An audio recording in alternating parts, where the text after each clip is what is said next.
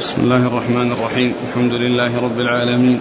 والصلاة والسلام على عبد الله ورسوله نبينا محمد وعلى آله وصحبه أجمعين. أما بعد فيقول الإمام الحافظ عبد الغني المقدسي رحمه الله تعالى في كتابه العمدة في الأحكام في باب الاعتكاف الحديث الرابع والأخير عن صفية بنت حيي رضي الله عنها أنها قالت كان النبي صلى الله عليه وسلم معتكفا فأتيته أزوره ليلا فحدثته ثم قمت لأنقلب فقام معي ليقلبني وكان مسكنها في دار أسامة بن زيد فمر رجلان من الأنصار فلما رأيا رسول الله صلى الله عليه وسلم أسرعا فقال النبي صلى الله عليه وسلم على رسلكما إنها صفية بنت حيي.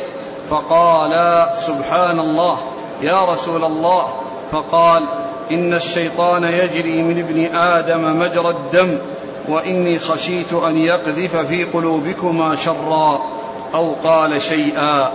وفي رواية أنها جاءت تزوره في اعتكافه في المسجد في العشر الأواخر من رمضان فتحدثت عنده ساعة ثم قامت تنقلب فقام النبي صلى الله عليه وسلم معها يقلبها حتى إذا بلغت باب المسجد عند باب أم سلمة ثم ذكره بمعناه بسم الله الرحمن الرحيم الحمد لله رب العالمين وصلى الله وسلم وبارك على عبده ورسوله نبينا محمد وعلى آله وأصحابه أجمعين. أما بعد فهذا الحديث من أحاديث الاعتكاف. عن صفية بنت حيي أم المؤمنين رضي الله تعالى عنها وأرضاها تذكر أنها أن النبي صلى الله عليه وسلم كان معتكفا في المسجد فجاءت تزوره. وهذا يدل على مشروعية الاعتكاف وأنه يكون في المسجد وأن زيارة أهل المعتكف له لا بأس بها وكذلك التحدث مع أهله أو مع غيرهم إذا لم يكن هناك استرسال وانشغال بالحديث فإن ذلك لا بأس به. لأن أم المؤمنين صفية رضي الله عنها زارت النبي عليه الصلاة والسلام في معتكفه في العشر الأواخر من رمضان وتحدثت معه. فدل هذا على جواز مثل ذلك وأنه لا بأس به. ثم إنها أرادت أن تنقلب يعني ترجع فقام معها ليقلبها يعني ليرافقها في خروجها وفي انصرافها وأن يكون معها إلى المسجد أو إلى باب المسجد إلى أن خرجت من المسجد. وهذا يدل على آه، تأنيس الزائر ومرافقته عند انصرافه. وهذا من الإكرام ومن الإحسان. ويدل أيضا على ما كان عليه رسول الله عليه الصلاة والسلام من كمال العشرة كمال العشرة لأزواجه رضي الله تعالى عنهن وأرضاهن.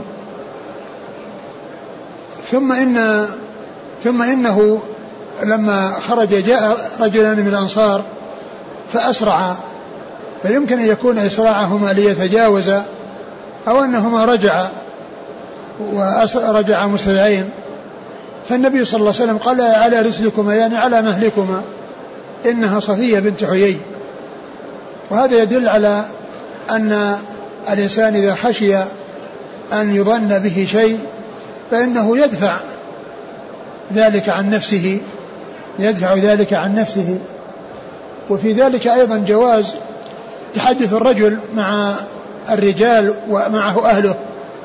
إذا كان معه أهله فإنه لا بأس أن يتحدث مع الرجال للحاجة. وفي وفي ذلك أيضا آآ آه، آآ آه، وفي ذلك ذكر سبحان الله عند التعجب واستعظام الشيء وذلك أن الرسول عليه الصلاة والسلام لما قال للأنصاريين على رسلكما إنها صفية بنت حيي قال سبحان الله يعني أن أنهم ما ما أرادوا إلا خيرا وأن ما في أنفسهم شيء.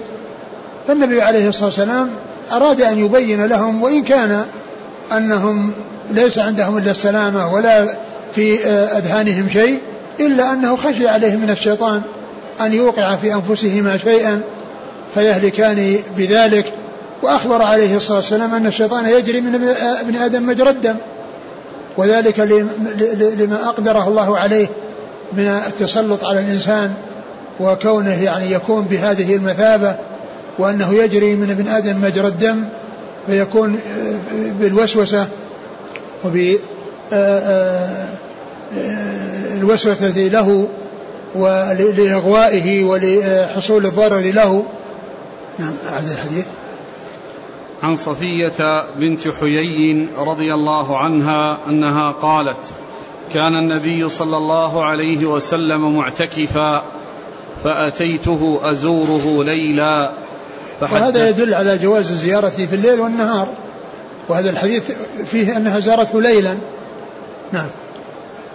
فأتيته أزوره ليلا فحدثته ثم قمت لأنقلب. وكما ذكرنا أن الحديث مع المعتكف إذا لم يحصل فيه استرسال ويحصل فيه انشغال بالكلام يعني ويكون الإنسان كأنه غير معتكف فإن ذلك لا بأس به. أما الانشغال بالكلام والاسترسال وكون المعتكف حديث مثل حديث المجالس فإن هذا ينافي الاعتكاف لأن الاعتكاف هو الانقطاع للعبادة. لزوم المسجد للانقطاع عن العبادة. لا ينشغل بغيرها وإنما ينشغل بعبادة الله عز وجل من الصلاة وقراءة القرآن وذكر الله سبحانه وتعالى. هذا هو المقصود من الاعتكاف. نعم.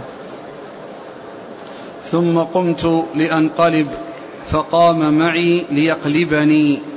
نعم وهذا كما قلت يدل على كمال أخلاقه عليه الصلاة والسلام وحسن عشرته لزوجاته وفيه إكرام آه، الزائر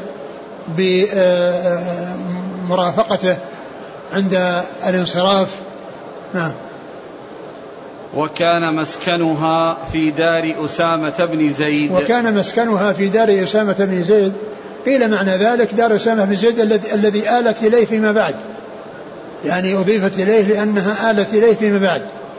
وقيل إن المقصود بالدار يعني المحلة التي يكون فيها عدة دور فتكون من جملة الدور التي في تلك المحلة التي يقال لها دار أسامة بن زيد.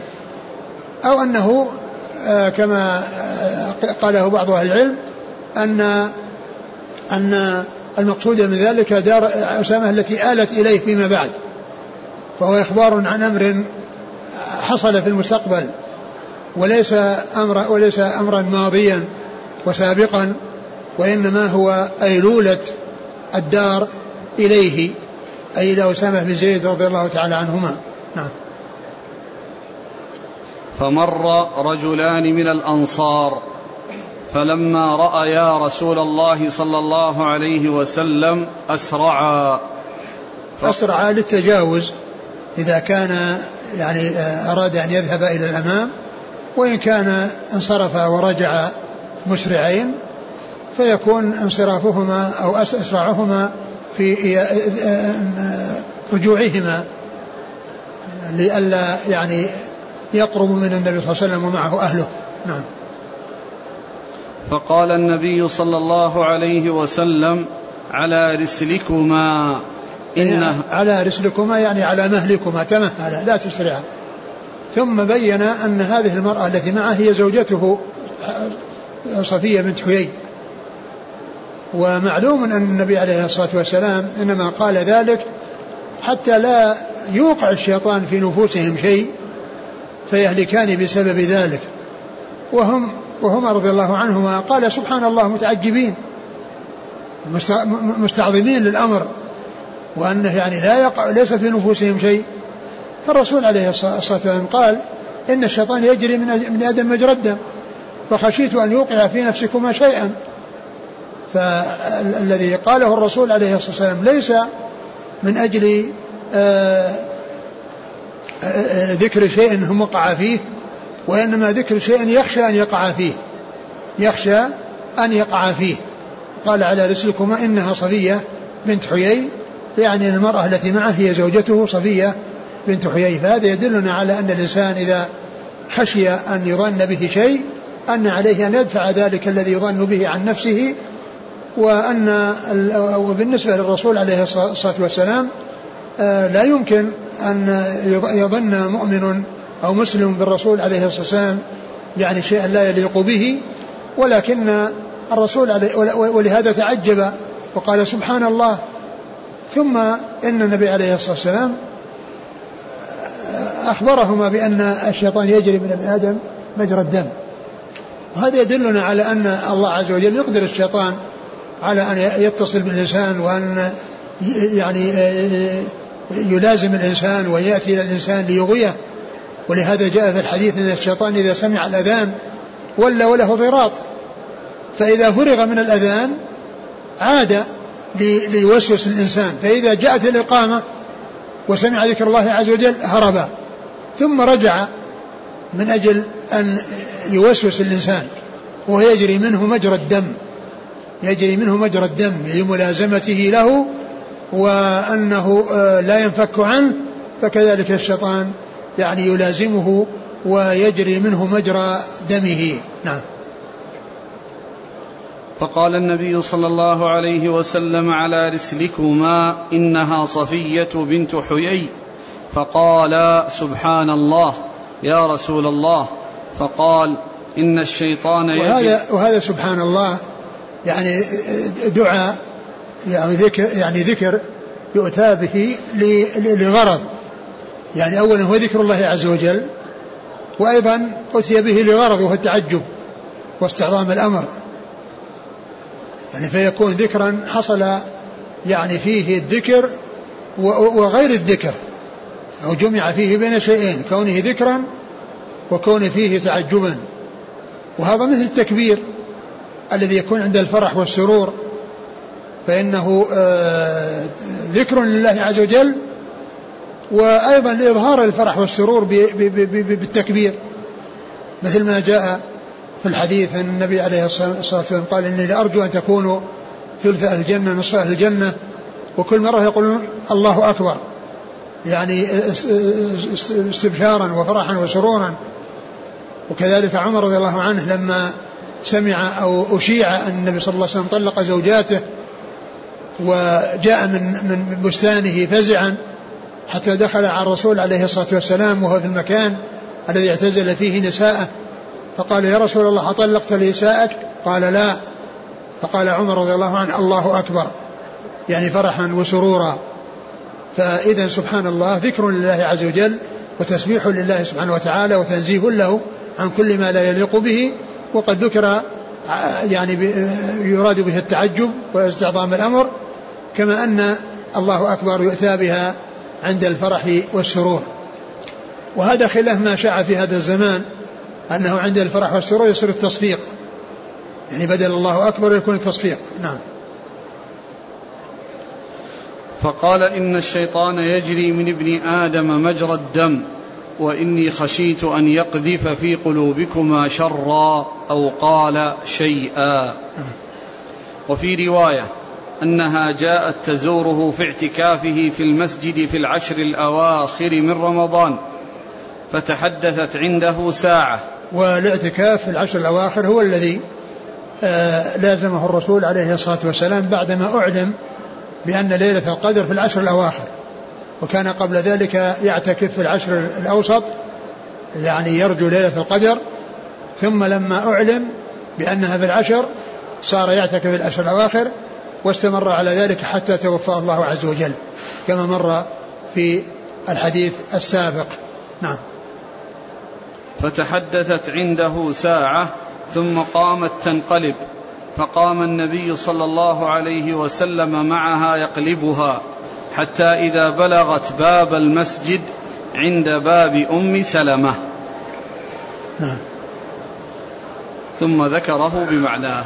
نعم والله تعالى أعلم وصلى الله وسلم وبارك على عبده ورسوله نبينا محمد وعلى آله وأصحابه أجمعين. تستمر الدروس؟ لا خلاص انتهينا. هذا آخر الدروس جزاكم الله خيرا وبارك الله فيكم ألهمكم الله الصواب ووفقكم للحق ونفعنا الله بما سمعنا غفر الله لنا ولكم وللمسلمين أجمعين سبحانك اللهم وبحمدك أشهد أن لا إله إلا أنت أستغفرك وأتوب إليك